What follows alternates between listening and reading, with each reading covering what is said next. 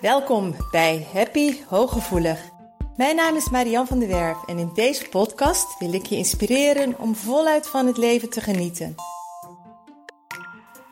Wil je ook leren hoe je vanuit je innerlijke kracht en gevoeligheid met minder inspanning meer geluk kunt ervaren? Heb je zin om positief, energiek en vrij van onzekerheid en angst door het leven te gaan? Dan is deze podcast voor jou bedoeld. Door mijn werk als therapeut en mijn eigen vallen en opstaan leerde ik wijze levenslessen die ik graag aan jou doorgeef. Samen op weg naar een licht en ontspannen leven. Ga je mee?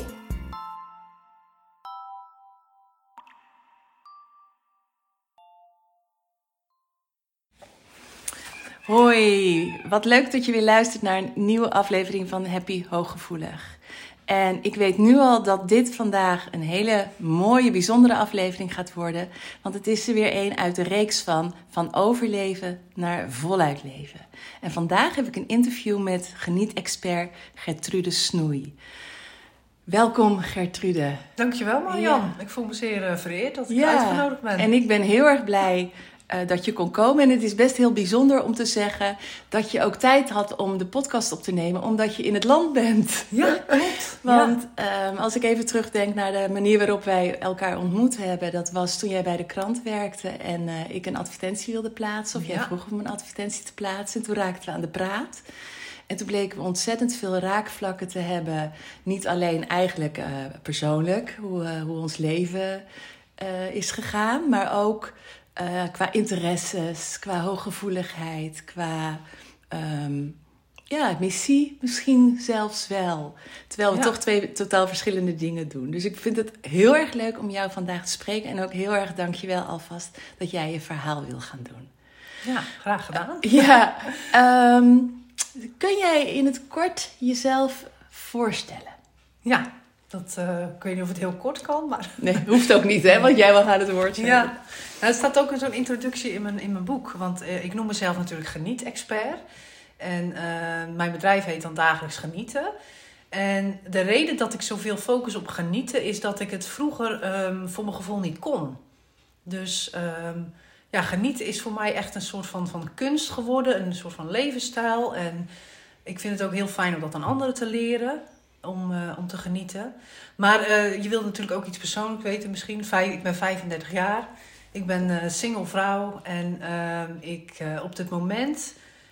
Um, of heb ik best wel belangrijke beslissingen achter de rug. Want Heel ik heb vorig jaar ja.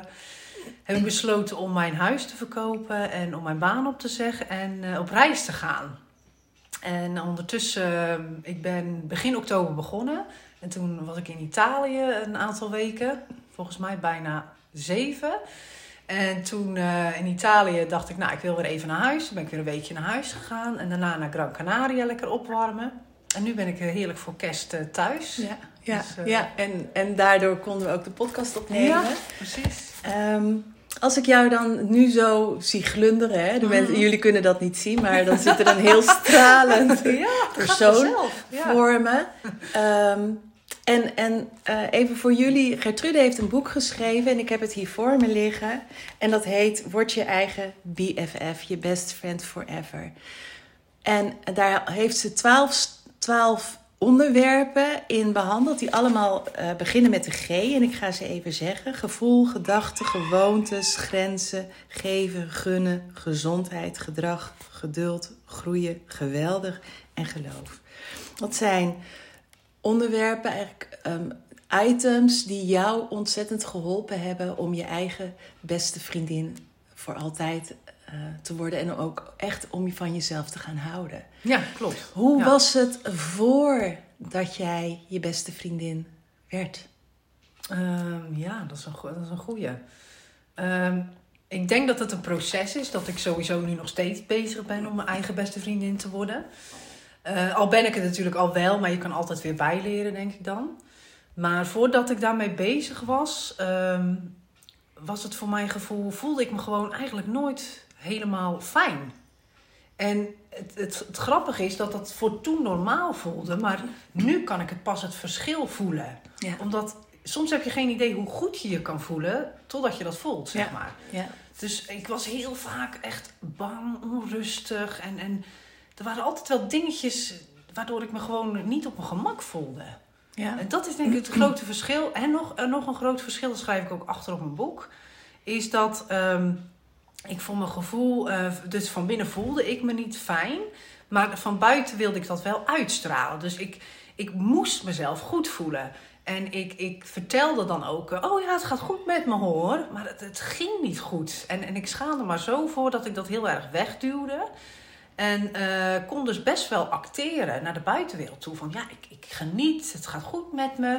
Maar van binnen stormde het dan. Ja. Ja, Ja, het, voelde hoe- helemaal niet goed. En, nu komt die binnenkant overeen met de buitenkant. Ja, ja. Dus wat ik uitstraal, voel ik ook van binnen. Als ik me echt niet goed voel, zeg ik dat ook. Ja. Dat durf ik nu te zeggen. Maar dat, ik denk dat het ook met, met vroeger te maken heeft. Je, je ging gewoon even slikken en weer doorgaan. Ja. We gingen dat niet bespreken.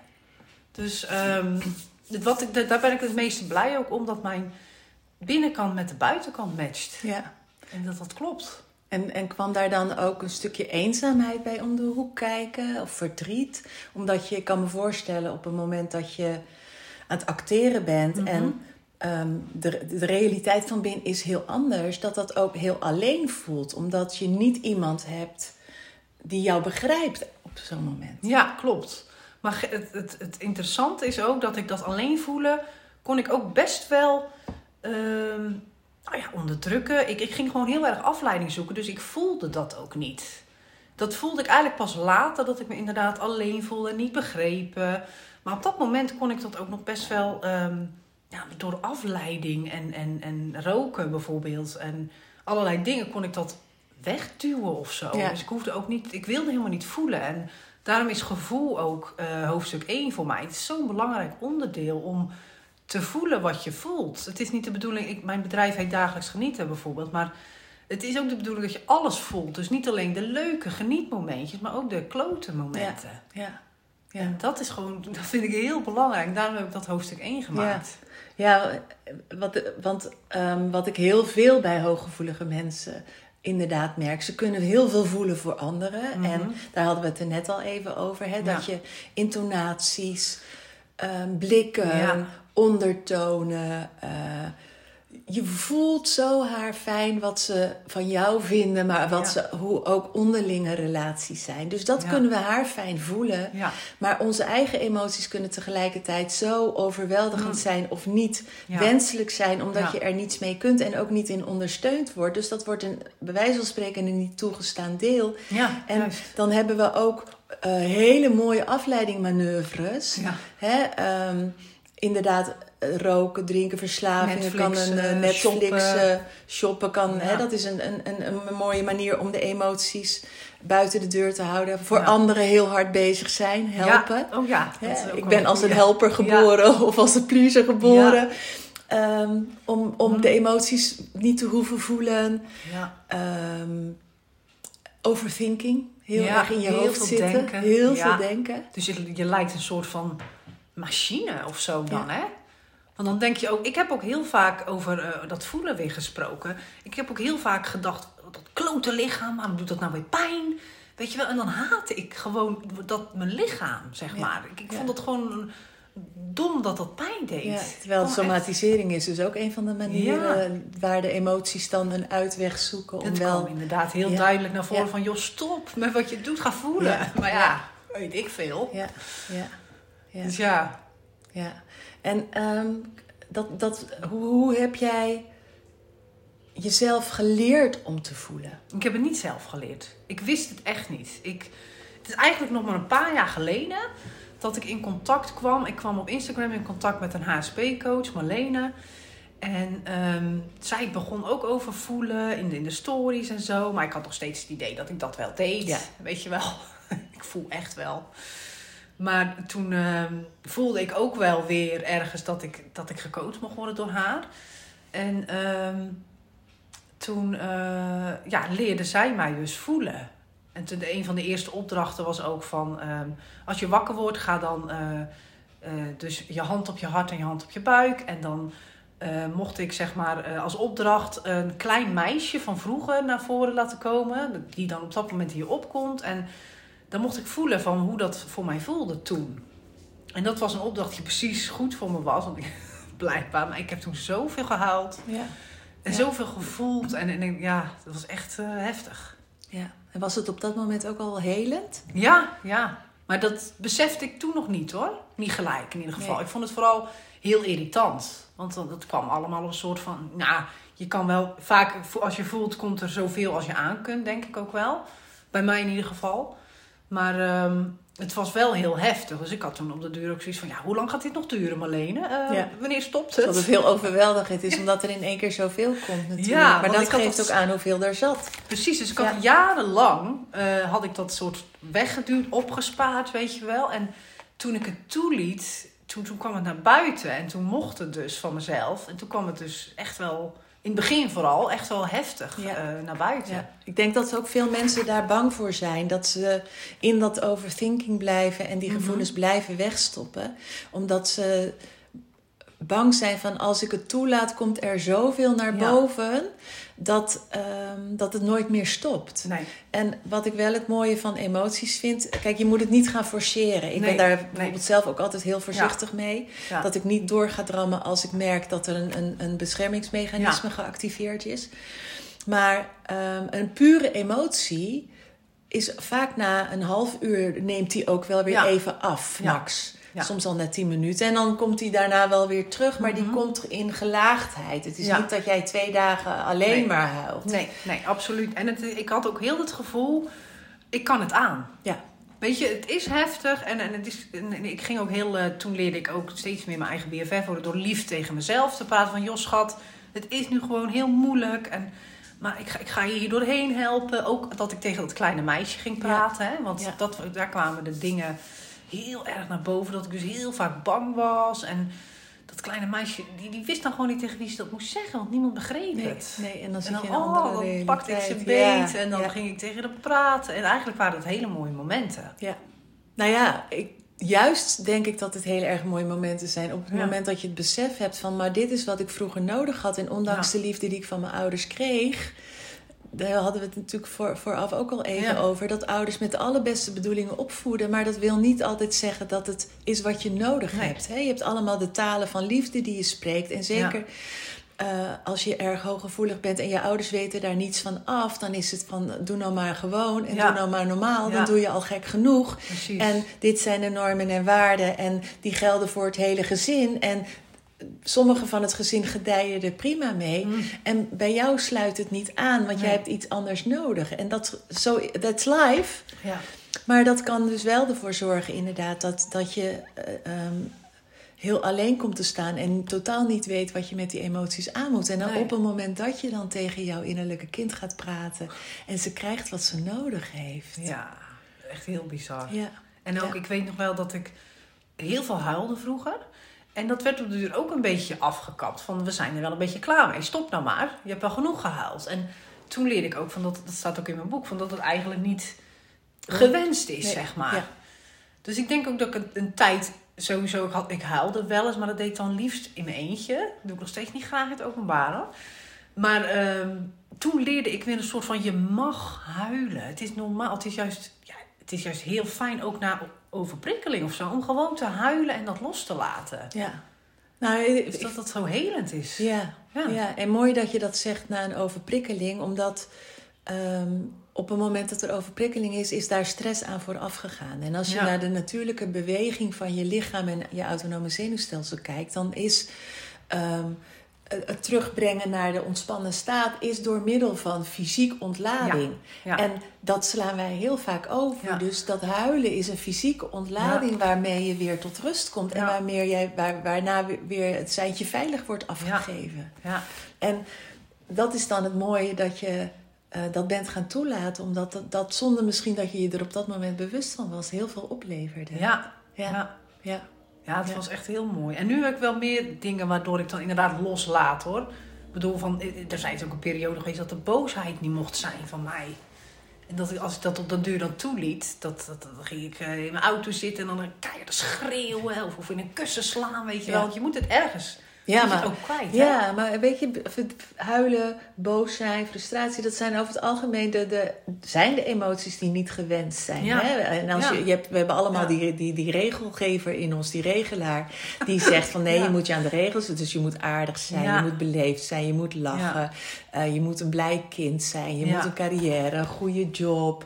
Hè, je moet het precies je, je route uitstippelen. Dat zijn allemaal van die maatschappelijke regels waarin we ook worden opgevoed, van die oor- opvoednormen. Ja.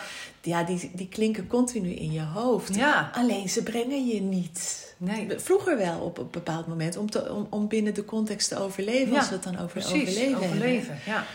Maar Ja. op het moment dat je als volwassene in die overlevingsstrategie blijft zitten, ja, dat is killing. Ja. Ja, Ja, en op, op den duur had ik ook zo het gevoel dat ik zo ver, we- ver weg van, van mezelf. Maar aan de andere kant dacht ik, ja, mezelf. Wie ben ik eigenlijk, weet je wel? Daar kwam ik dan Ja. ook steeds meer achter. ja, Want als je dus naar je, als je in je hoofd zit, dan kun je een heel beeld creëren van ik ben zo en dit en dat. Maar als je gaat voelen, dan weet je het. Weet je wel, dat is ook helemaal niet altijd uit te leggen. Nee, want wat was voor jou het punt dat jij zei, nu is het klaar? Of nu ga ik, nu ga ik naar Marlene toe. Of nu ga ik daarmee aan de slag. Daar is een, een het- Ja. je zegt enerzijds geleidelijk geweest, maar er is een punt geweest dat je zei van, Ja.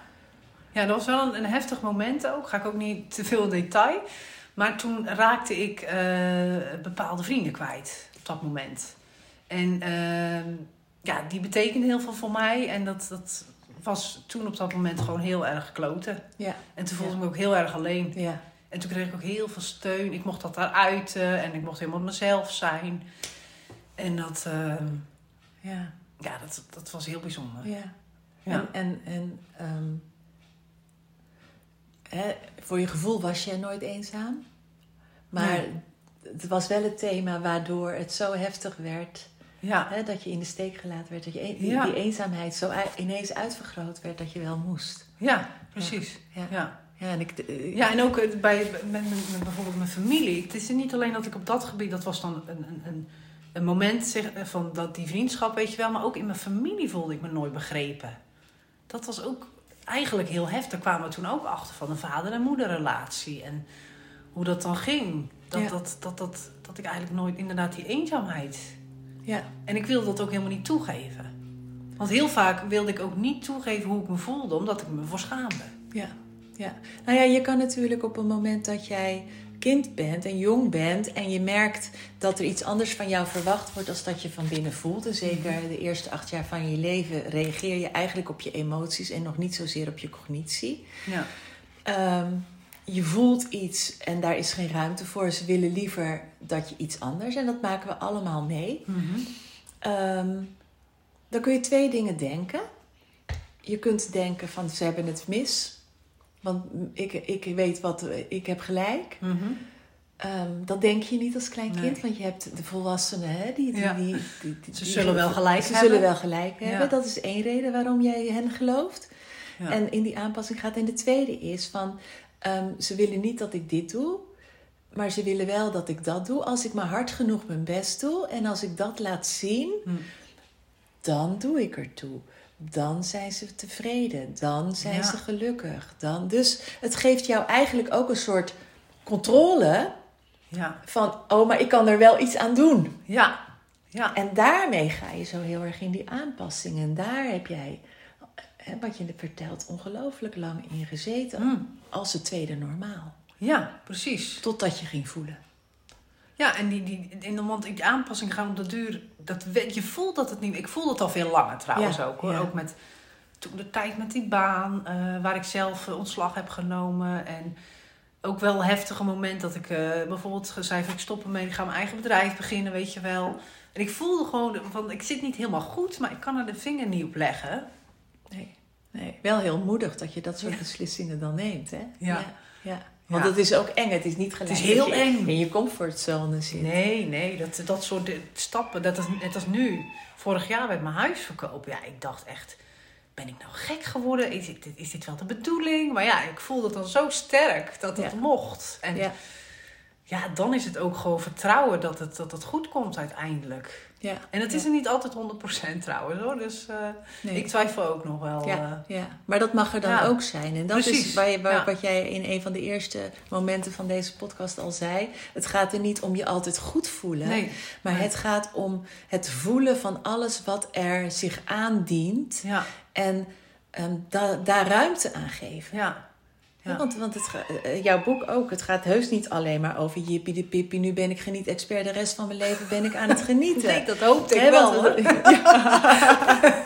Je mag er naar blijven streven. Ja. Ehm, wat, eh, welke is voor jou nog meer heel erg ehm, he- helend geweest? Of heeft jou enorm geholpen om die beste vriendin te worden Hmm. van jezelf? Nou, dat is ook die tweede. Eh, dat is misschien, het is een volgorde, dat is ook wel interessant. Ik had twaalf eh, onderwerpen dus waar we het net over hadden. En op de een of andere manier ging het ook automatisch op gevoel die volgorde zo neerzetten. En gedachten, ook omdat dat heel veel invloed heeft op je gevoel, was dat voor mij een hele goede tweede. Want ik, ik heb ook ehm, heel veel dingen gedacht eh, die, die gewoon niet goed voor me waren. Dus ik, ik, ik schold me mezelf ook vaak uit in mijn hoofd. Ja. En ik besefte gewoon niet hoeveel impact dat had. En toen, ook, toen ik op de duur ook tegen mezelf ging dus leren praten van... hé hey schat, hoe gaat het nou met je? Ja, dan was ik ook weer helemaal ontroerd. Want eh, vaak was het, hé hey, eh, trut, wat ben je weer dik? Of Ja. wat zie je er vandaag lelijk uit? Ja, ja, ja. En ja dat is en dat is, dat is met die innerlijke criticus. Hè? Die, Ja. die is zo vernuftig en zo slim. Als jij bij wijze van spreken ehm, een, een, een, een, een, iets moet inleveren en het, het is voor 90%, 95% goed. En één onderdeeltje ben je een beetje vergeten. Dan weet die innerlijke criticus, die weet Ja. daar haar fijn Mm. jou op die zere plek te Ja. maken. En hoe eh, onstabieler je bent en hoe meer je bij jezelf verwijderd bent, hoe meer invloed die innerlijke criticus natuurlijk heeft. En hoe, omdat jij ook zegt van in het begin was die zo duidelijk aanwezig en zo altijd aan het ehm, overheersen. Ja, en ik geloofde ze ook. Want dat heb ik ook weer in mijn boek geschreven. Ik, ik dacht iets en dat was waar. Punt. Heb ik serieus zo lang gedacht. Ik, ik dacht pas nog, waarom heeft niemand me ooit gezegd van... joh schat, die gedachten hoef je niet zo heel serieus te nemen. Maar ik nam ze bloedserieus. Maar waarschijnlijk ook omdat die ook waar is voor jouw omgeving waarin jij opgegroeid bent. Precies, dat was ook een soort Ja, van waarheid natuurlijk. Ja, ja. ja. En hoe, hoe heb jij dat aangepakt? Hoe ben jij met die, met die gedachtegang aan de gang gegaan? Nou, daar ben ik eigenlijk al veel eerder mee aan de gang gegaan dan een gevoel. Want ik, ik vond echt, ik weet niet hoe lang het geleden is, maar jaren geleden ook een online training. Van een, een, een, een Belgische man die daarop wees van, eh, dat dat zoveel impact had. En Ja. ik, ik, ik bestelde dat en eerlijk gezegd schaamde ik me ook een beetje voor dat ik dus met zelfontwikkeling bezig was. Dus dat ging ik ook allemaal Ook een overtuiging. Ja, ja. en dat, dat luisterde ik dan stiekem. Die, dat was ook een soort van podcast dus, met, met allemaal afleveringen. En ja, er ging een wereld voor me open. Dus dat was toen al... eh, toen ging ik nog niet lief tegen mezelf praten. Maar meer gewoon beseffen wat voor impact het had. Mijn Ja. gedachten op hoe je je voelt, hoe je leeft. En ja, op heel veel dingen. Ja, en dat die Je gedachtegang. mindset, zeg ja, maar. dat, dat, het- dat, dat, dat die gedachtegang ook eh, voor de keuzes zorgt die je maakt. ja, En dat Ja. is ook de realiteit die zich eh, in, in je leven manifesteert. ja, precies. Ja, en die, dat bewustzijn is natuurlijk de eerste stap daarvan. ja. Want dan Ja. zijn ze er daarmee nog niet weg. Maar dan Nee, heb je wel in de nee. gaten van... oké, maar in die context is mijn leven dus voor een Ja. heel groot gedeelte maakbaar. Ja, ik Ja. ging het, ehm, ik ging het eh, vooral. ehm, nou, ik geloofde gewoon heel erg dat dat zo was dan. En dan ging ik daar zelf ook steeds meer over lezen en luisteren. Ik heb denk echt, als ik kijk naar zelfontwikkeling, ben ik daar al, ja, ik denk al een jaar of tien al mee bezig. Ja. Maar eerst heel erg in, in, in, in het geheime soort van, van oh, dit doet niemand in, in mijn familie. Wat, wat, eh, Ja, ja, en dus dan ben je weer de vreemde eend. En dat Ja, wil je in wezen nee. ook niet. Alleen je bent op een andere manier gaan aanpassen. Je bent wel je eigen plan gaan trekken. ja. Maar je hebt het in eerste instantie niet gedeeld. En soms Nee. is dat ook heel juist goed om het niet te delen. Omdat Ja, je dan ook niet aan het twijfelen gebracht kan krijgen. En op het moment dat ehm, er een stuk geheeld is... Wat, op- weet je, op het moment dat je iets gaat delen of gaat uitspreken... en daar is bij jou nog een, een traumastuk of twijfel... Mhm. krijg je onherroepelijk de discussie of de tegengas, omdat dat toch energetisch voelbaar is. Dat ik het ook niet helemaal zeker weet. Ja, ja, ja, precies. Ja, en dan ben je te bespelen. Ja, ja heb ik ook met, uh, ondertussen ook wel begrepen met bepaalde grote beslissingen. Ook met mijn huis heb ik misschien tegen echt enkele mensen gezegd van dat ik dat ging doen. Toen ik het echt zeker wist, ging ik het met meer delen. Ja, ja maar dan heb je zelf al zo de beslissing eigenlijk innerlijk. Ja. Staat, staat het al dat ze ook gewoon. Ze kunnen zeggen wat ze willen. Ja. ja. ja. ja. Dus dat is wel een heel lekker gevoel ook. Om dat dan uh, inderdaad zeker te weten en zeker te zijn van de zaak. En dat het. Dat is ook trouwens, ik weet, het staat, ik weet niet welk hoofdstuk het staat, want het begint niet met een G. Maar dat je, ik denk geloof, maar dat je dus minder aantrekt van wat andere mensen zeggen. Ja. Hier de mening van anderen. Ja, en ook bij grenzen komt dat trouwens ook weer naar voren. Hè? Dat je je grenzen aangeeft en dat je gewoon duidelijk zegt van nee, of ik kan niet, of ik wil niet. Of je hoeft helemaal niet zelfs uit te leggen, want we zijn ook heel erg geneigd om dingen tot in de detail te gaan explainen. En, ehm, maar dat is dan bijvoorbeeld bij grenzen aangeven. Van, uh, dat is ook heel erg, dat durf je denk ik pas dat je, als je je minder omgeeft wat anderen van je vinden. Ja. Ja. Want anders ga je eerst hele scenario's bedenken. Ja, en dan voelt dat heel egoïstisch. Ook. ja.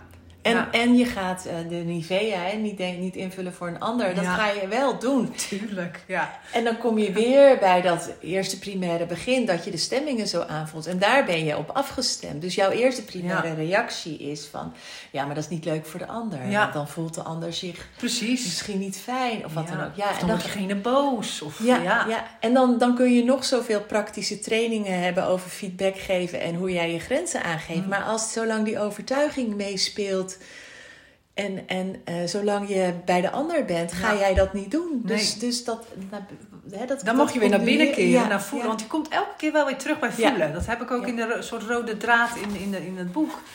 Uh, want wat je mag weer een soort van soms, als je voelt van ik kan niet verder, is er weer een blokkade. Ja. Dat had ik ook heel erg tijdens het schrijven van dit boek. Het is nu precies een jaar geleden dat mijn deadline was. En ik kon soms niet verder. En dan was ik zo kwaad. En dan dacht ik, flikker op met dat, dat boek, ik stop ermee. Ja. Nou, ik heb een heel mooi stuk, mag ik een stukje voorlezen? want dat kom ik dus net tegen. Ja, ja. Uh, en dat gaat dus inderdaad over de innerlijke dialoog over je boek. Ja. Schat, je twijfelt, hè? Ja, klopt. Ik wilde het eigenlijk niet toegeven, maar ik twijfel inderdaad. Geeft niet. Ook die twijfel mag er zijn, hoor. Je bent een mens en twijfel hoort er ook bij. Maar laten we ondanks die twijfel gewoon je boek gaan schrijven. Want je weet dat je het kunt. Ja? Ja, natuurlijk. Je schrijft al meer dan tien jaar, dus schrijven kun je sowieso. En goed ook, dat weet je ondertussen. Natuurlijk heb je nog nooit een boek geschreven, maar als je kunt schrijven, dan ben je al heel ver. Het moet dan alleen nog leuk opgemaakt, gebundeld en gedrukt worden. All. En dat laatste hoef je niet eens zelf te doen, daar kun je hulp bij vragen.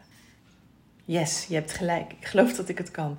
Ondanks dat ik soms nog twijfel aan mezelf, ga ik het gewoon doen. Het gaat lukken. En het is gelukt, want het ligt hier voor me. Ja. je hebt al heel veel verkocht. Nou, het is heel bijzonder dat jij dat voorleest. Het ontroert me ook wel dat ik.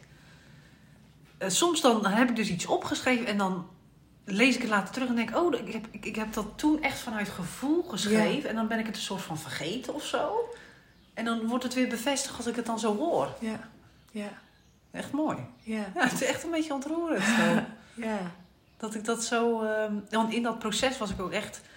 Tuurlijk, wat ik net zei, ik word dan, werd dan bijvoorbeeld boos dat het niet lukte. Maar dan wist ik van, nee schat, je mag weer die, in die zachtheid, je mag weer lief tegen jezelf gaan worden. En zeggen, wat is aan de hand? Wat houdt je tegen? Ja. Ja. Gewoon zoiets simpels. Ja. En dat waren soms ook bijvoorbeeld ja, blokkades bij, met betrekking tot hoe met mijn ouders of zo, weet je wel. Dat ging soms ergens heen waar ik totaal niet van tevoren had kunnen bedenken. Ja.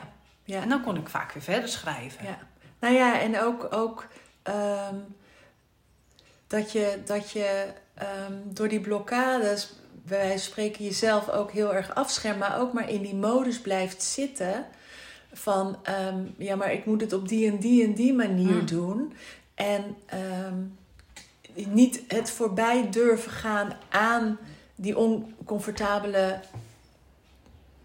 tussenmodus waarin je terecht komt. Mm en daar, daar kiezen heel veel mensen voor, merk ik wel. Omdat dat ze in die veilige, nee, dat ze in die oh. veilige modus blijven, omdat ook al is die niet gewenst, mhm. hij wel het meest comfortabel is, omdat je ze ervoor kiezen eigenlijk om liever een innerlijk conflict te hebben dan een eh, conflict met de buitenwereld. Oh. Maar dat is ook een invulling. Ja. En eh, voordat wij de podcast starten, vertelde jij een heel mooi verhaal over jouw verjaardag. Waarin zo heel erg duidelijk was dat ehm, als je voor jezelf kiest en iets op jouw manier gaat doen, dat dat niet betekent dat je uit verbinding gaat. Maar dat je ook door het wel op jouw manier te doen, maar in een andere context, hè, in dit geval jouw verjaardag vieren, Ja. dat je toch de verbinding met andere mensen kunt houden. Ja. En dat is misschien wel een heel mooi voorbeeld om dat te vertellen hoe jij de, je verjaardag afgelopen keer gevierd hebt. Ja, dat is wel een goede, ja.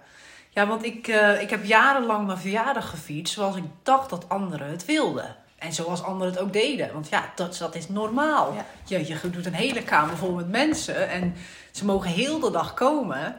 Maar vaak Met was heel veel prikkels en overprikkeling en, was ik vermoeidheid zo overprikkeld. Ook, ook, ik was sowieso, we bereidden me de dag ervoor al heel erg voor. En de dag daarna was ik, ja, misschien nog wel meer dagen, was ik volledig overprikkeld. En elke keer, elke, de afgelopen jaren ben ik steeds meer naar mezelf toegegaan. En misschien is het volgend jaar weer anders, dat ik nog denk van ik wil het anders. Maar dit jaar was al heel fijn. Ik, ik zei dan gewoon, eh, we ontmoeten daar op een bepaalde plek. Ik ben er van 10 tot 12. Ik neem lekkere hapjes mee. Nemen jullie je picknickkleed mee tegen mijn familie. En dan eh, gaan we gewoon even lekker eh, zitten. En de rest van de dag ben ik eigenlijk niet beschikbaar, zeg maar. En ik vond het ook wel weer een beetje eng, want ja, niemand doet dat. Nee, hè. dat is niet- uit je comfortzone. ja, dat is Niet, niet normaal. En ik, ik- maar ik heb dus inderdaad, ik, ble- ik bleef wel in verbinding. Het hoeft niet, eh, het is ook net hoe je het communiceert, denk Ja, ik natuurlijk. Ja. En dan, dan kom je weer bij hoe, hoe meer jij toestaat dat het op jouw manier mag, Mag. en daar Ja, oké mee bent. Dat, dat is echt die zelfliefde. Hoe, Ja. hoe duidelijk het je communiceert naar de buitenwereld. precies. Ja. En dan zal nog steeds niet iedereen het ermee eens zijn. Maar dat maakt dan denk ik ook minder uit. Omdat je het zelf voelt van dit is goed voor me. En ehm, nou, dat was dus heel gezellig. Ik heb dus eh, twee uur, sommigen bleven nog ineens twee uur. Dat was ook wel weer prima. Hè? Dat was niet altijd druk. En ehm, daarna kreeg ik een heerlijke lunch bij een vriendin. En toen smiddags heb ik ook nog even lekker kunnen, kunnen slapen. Vind ik ook heerlijk. Even een klein dutje. Ja. En s'avonds ben ik nog met iemand uit eten geweest. En dat was het. En voor mij was dat heel fijn. Want Ja. ik dacht daarna was ik niet overprikkeld. Nee, het was gewoon perfect. Ja, ja en, en je, je denkt zo heel vaak, ja, maar als ik het niet op de manier doe zoals ik hoor, dan zijn mensen teleurgesteld. Maar op zo'n manier zoals jij het nu vertelt, even goed besteed je aandacht en geef je mensen de ruimte om te Ja. komen. Alleen wel onder jouw condities en onder jouw voorwaarden. En dat is in wezen wat volwassenheid inhoudt. Ja. Dat jij je, je, je leven zo vormgeeft onder jouw voorwaarden, onder jouw condities. En op het moment dat er innerlijke kinderen niet geheeld zijn en die oude pijn speelt nog zo'n rol, Mhm. Dan durf je dat niet te doen, dan ga je dat niet doen. En- Nee. En, en, jouw proces is op hè, je gedachtegang omzetten, het Ja. hele van de innerlijke delen bij jou, Ja. die heel vaak te horen willen krijgen dat het oké is, dat Ja. het goed is en dat het er mag zijn Ja. dan kom je op een bepaald moment dat je het op die manier onder jouw voorwaarden gaat doen. En Dan ga je dus nieuwe dat is de G gewoontes die daarna komt. Je gaat nieuwe gewoontes aanleren die ook goed voor jezelf zijn. Hè, en, en nu de kerstdagen komen eraan en oud en nieuw, er zijn natuurlijk nu gigantisch veel mensen Ja. die helemaal weer in die familie. Mm. eh, normatieve En de moed. de moed zitten Ja. en het vreedfestijn. En, Ja. En, en daar is dit denk ik ook misschien hopelijk zo'n mooie podcast voor. Mhm. En al lukt het je dit jaar niet meer omdat de afspraken staan. Dat je, dan heb je een heel jaar om eraan te gaan te werken. Ja. Dat het anders mag op jouw manier. Ja, dat jij gewoon nee mag zeggen. En, en ook, je hoeft inderdaad jezelf niet vol te proppen of wat dan ook. Je bent niet verplicht. Nee, je hoeft niet een hele middag te gaan nee, je met kan ook eventjes. Ja, ja, ja, ja. ja. Op Dus een hele is, eh, andere manier kun je het vormgeven die Ja. voor jou fijn voelt. precies. Ja. En dat is ook wel heel lekker. Ja. Ik heb dan de eerste kerstdag ga ik dan bij mijn ouders ga ik, de, ga ik voor het diner zorgen. En ik hou van organiseren. Dus dat, dat ga ik dan heel leuk aankleden. En dat doe ik allemaal een beetje op mijn eigen manier. Maar ik ben dan vooral bezig met het doen. En dan als ik de anderen zie genieten, dat is voor mij gewoon prachtig. Ja, ja, ja. Maar daar heb je ook de energie voor. Ja. Omdat je eh, Ja. uitgerust bent. Precies. Omdat je lekker in je vel zit. Ja. En eh, het is wel heel chargerend van je kunt er pas voor een ander zijn als je er voor jezelf komt zijn. Maar is niet zo. is minder waar. Ja. Het is zo ongelooflijk waar. zo dat is zo essentieel. En ehm, ergens bij jou is het voelen geweest, bij mij is het ook voelen geweest. En het innerlijke kind waar die doorbraak begonnen is. Mhm. Ehm, ik kijk even naar de tijd. Zullen we er nog eentje doen? Eén geintje Ja. nog? Is goed hoor. We hebben het gevoel gehad, gedachten. Ja, ik, dan zou ik zeggen geduld. Oké. Want ehm, ik ben van natuur, of in ieder geval dat is misschien een overtuiging. Ik was best wel een ongeduldig type en het moest allemaal snel. En toen ik dus eh, ook echt serieus hulp vroeg, toen was ook een van de vragen van... eh, hoe lang gaat dit duren? En, en ik, heb, ik, wil, ik wil dat het voorbij gaat, weet je wel. Dus ik heb heel erg dat geduld leren hebben. En dat wil ik jullie als luisteraars ook, ook meegeven. Van het is niet van de een op de andere dag. Nee, het is geen quick fit. Ik Nee. ben niet in, in, in twee maanden mijn eigen BFF geworden. Zeg maar. Het is een proces van jaren. En, eh, maar weet dat je elke keer met die kleine stapjes, met nieuwe gewoontes, de, de G van, van, van hoofdstuk 3, elke keer kom je een stapje dichter bij meer zelfliefde en, en jezelf beter in je vel voelen. Want het kan echt beter, maar heb ook dat geduld. Ja. Want ja, dat is ook echt een van de dingen die ik in eerste instantie eigenlijk niet had. Nee. En, en aanvullend denk ik ook, behalve dat geduld, ook je realiseren dat die kleine stapjes, hè, al, al gaat 60% goed, die innerlijke criticus is geneigd om naar die 40% te kijken. Ook heel bewust Ja. successen te vieren. Ja. Oh, te kijken naar wat wel goed gaat. Dankbaar zijn voor wat er wel is en de stapjes die je zet. En al als jij één keer ja, eh, voor jezelf bent opgekomen en er ergens aan vast hebt gehouden, wat heel.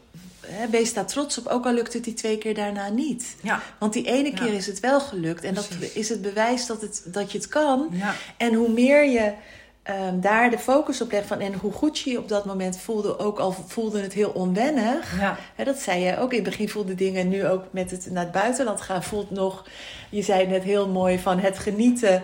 Ehm, voelt bijna, daar voel ik me bijna weer schuldig over. Ja. Dat mensen zeggen van moet je niet eens weer een baan gaan zoeken. Ja. Maar jij bent nog steeds aan het genieten. En Dat wordt of het niet te lang duurt. of het zo, niet te hè? lang duurt Ja. dat jij nu steeds op reis bent en in het buitenland vertoeft. Precies. Zonder eh, concreet een baan te hebben. Ja, dus dat wordt voor mij ook weer. Ik, ik merk ook, ik ben, je bent nooit uitgeleerd. Nee, dus nee, ik nee. ook nu weer. Ja. Ik ben ook door dingen heen gegaan in het buitenland. Ook door angsten. Want ik was natuurlijk alleen op reis. En ik ging alleen eerst een roadtrip doen in Italië. En ik heb bovenaan een berg gestaan in Zwitserland. En ik dacht van ja, dit is veel te eng. Ik wil terug. Maar ja, kon Dat niet ging terug. niet, nee, ik nee. moest, ik moest Ja. verder. Ja. En toen was ik ook zo lief voor mezelf uiteindelijk. Maar ook wel... Ja, gewoon dat ik... Je bent nooit klaar met leren. Je voelt die angsten. En je mag het aangaan. En... en Nou ja, en steeds als je Ja. verder komt, als je weer gegroeid bent en je komt op een next level, hè, of in een hoger bewustzijn, ga je andere dingen doen. Want dit had je drie jaar niet kunnen bedenken, dat je daar hè, überhaupt een roadtrip naar Italië, Nee. terwijl je geen huis had. Dus Nee, op het moment dat jij ja. hè, verder Ja. komt in je groei, kom je op een ander level terecht Ja. waar je weer andere items tegenkomt. En Ja. dan kan er ook weer een punt zijn dat jij zegt van, oh, nu heb ik Marlene weer even nodig. Of ja. nu ehm, Of ik ga voel me ik nu me weer... of zo. weet Of, je of wel. ik voel nu dat Ja. innerlijke kind toch weer heel erg opploepen. En ik heb dat Ja. ook wel eens in de praktijk. Dat Ja. mensen zeggen, ja, ik ben al zo lang bezig, is het nou nog niet klaar? Ja, ja, ja. Dan zeg ik, ja, maar Ja. je bent niet teruggezakt. Maar je komt op een ander level waar Ja. je met andere dingen te maken Ja, krijgt. precies. Ja. En je komt elke keer, denk ik ook, dat je steeds meer beseft van... ik hoef het inderdaad niet alleen te doen. Maar je kan volgens mij wel steeds meer aan Ja. alleen, hè? Ja. Ik bedoel, Ja. dat merk ik ook wel, dat ik soms door dingen heen ging... en dat ik... Ik heb nooit zo de behoefte op dat moment meteen met iemand te bellen of zo. Maar achteraf vind ik het wel fijn om dan mijn verhaal te doen. of eh, met een vriendin of zo. Dus ja, dat delen, dat is ook wel heel fijn. Om met, Ja. met elkaar gewoon te delen. ja, maar we hebben elkaar toch nodig. Ja. Je hebt toch, toch Ja. dat matchen nodig, dat afstemmen. Dat, Ja. eh, En ik heb heel veel alleen gedaan. ja. ja. ja. Nou ja, maar dat geeft ook wel aan hoe groot je innerlijke kracht inmiddels is. Hm? Ja, toch? Ja, dat voel ik ook hoor. Ja. Dan voelde ik dat Ja. vuur in. Dan dacht ik, ja, schat, je bent zo sterk. Je kan dit. ja, mooi. Ja. Heb jij tot slot, Gertrude, een one-liner voor de, de, de luisteraars? Een one-liner. Oh, dat is altijd een lastige Ja, mag je even over nadenken? Ja. Een one-liner.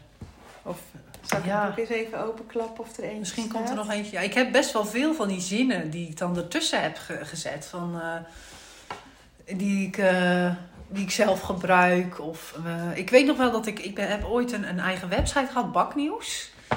En eh, daar was mijn slogan: creëer je eigen genietmomentjes. Dat is wel een hele mooie. Ja, dus ga ook niet afwachten van iemand anders moet dit voor mij doen of wat dan ook. Nee, je, moet, je mag zelf ook creëren. Hè? En je mag zelf dat ook gunnen dat je, ja, dat je geniet. Ja. En dat mag elke dag kun je weer kijken van hé, hey, hoe kan ik mijn eigen genietmomentjes creëren? Al is het maar wat voor jou heel lekker is en een, een cappuccino ergens halen en Ja. er echt van genieten. Hè? Ik wil net zeggen, het is, het is denk ik ja. vooral het creëren van genietmomentjes in eerste instantie. Het aanzetten van al je zintuigen en daar bewust bij aanwezig zijn. Ja. En dat is wat ik, daarvoor geniet ik zo van jouw filmpjes. Dat ik ook wel zeg van jouw lach soms. Dan zeg jij iets en dan schiet je er zelf van in de lach. Maar Ja. Dat jouw gezicht op het moment dat jij daar inderdaad een, een bepaalde salade hebt. Of weer een taartje hebt of wat dan Mm. Ja. ook. Of als jij eh, ergens naar staat te kijken en even zo met je neus zo van, oh heerlijk hè. Dat, dan Ja. zie je dat genieten. En dat zijn Ja. zulke kleine dingen. En Mm. dat is wel een, een gave, maar dat is echt omdat je heel veel die zintuigelijke waarneming inzet. Ja. En daar bewust bij aanwezig ja, bent. met alle Dus zintuigen ik, dat is een hele mooie, creëer je eigen. Ja, en dan ook met al je zintuigen inderdaad. Ja. Dat kan ook gewoon, dat is ook heerlijk om gewoon naar buiten te gaan en een boswandeling te maken en dan op te snuiven en dat te voelen in zo'n bos. Vooral in de herfst vind ik dat dan lekker. En die natuur sowieso, die heb je ook nodig, hè? Ja, ja, ja, ook sowieso Ja. om do- dopamine aan te maken. Ja. En, eh, ja. Heerlijk. Ik wil jou ontzettend bedanken voor dit mooie interview. Ik pak je boek er nog even bij. Ehm, wat ik een beetje begreep is op het moment dat jij in Nederland bent, dat die te krijgen is. Ja, dus nu is hij gewoon Ja. online eh, te Ja. bestellen. Ja, En ehm, ja, dus dan kun je naar mijn website www.dagelijksgenieten.nl gaan en dan spreekt het eigenlijk voor zich. ja, en het boek heet Word je eigen BFF. Ja, en dan een hashtag ervoor. Hashtag, dus hashtag, Word je eigen BFF. BFF. Voor HSP-vrouwen die nog niet helemaal zichzelf durven zijn. Van expert geniet, eh, ex- geniet-expert Gertrude. En hij is dus te bestellen op www.dagelijksgenieten.nl. Ik zal de link ook even onderaan de podcast zetten. Nou, wat Heel leuk. fijn boek. Ja. Ja. Ontzettend bedankt. Ehm, jullie heel erg bedankt voor het luisteren. Als jij eh, iemand kent die ook nog niet haar eigen best, beste, allerbeste vriendin forever is, ehm, geef dan ook even de Welkom deze bij podcast, Happy Hooggevoelig. Mijn naam is misschien ook Marian van der Werf en in deze podcast Eh, wil ik je inspireren en om voluit van het leven Doei, te genieten. Wil je ook leren hoe je vanuit je innerlijke kracht en gevoeligheid met minder inspanning meer geluk kunt ervaren? Heb je zin om positief, energiek en vrij van onzekerheid en angst door het leven te gaan? Dan is deze podcast voor jou bedoeld. Door mijn werk als therapeut en mijn eigen vallen en opstaan leerde ik wijze levenslessen die ik graag aan jou doorgeef. Samen op weg naar een licht en ontspannen leven. Ga je mee?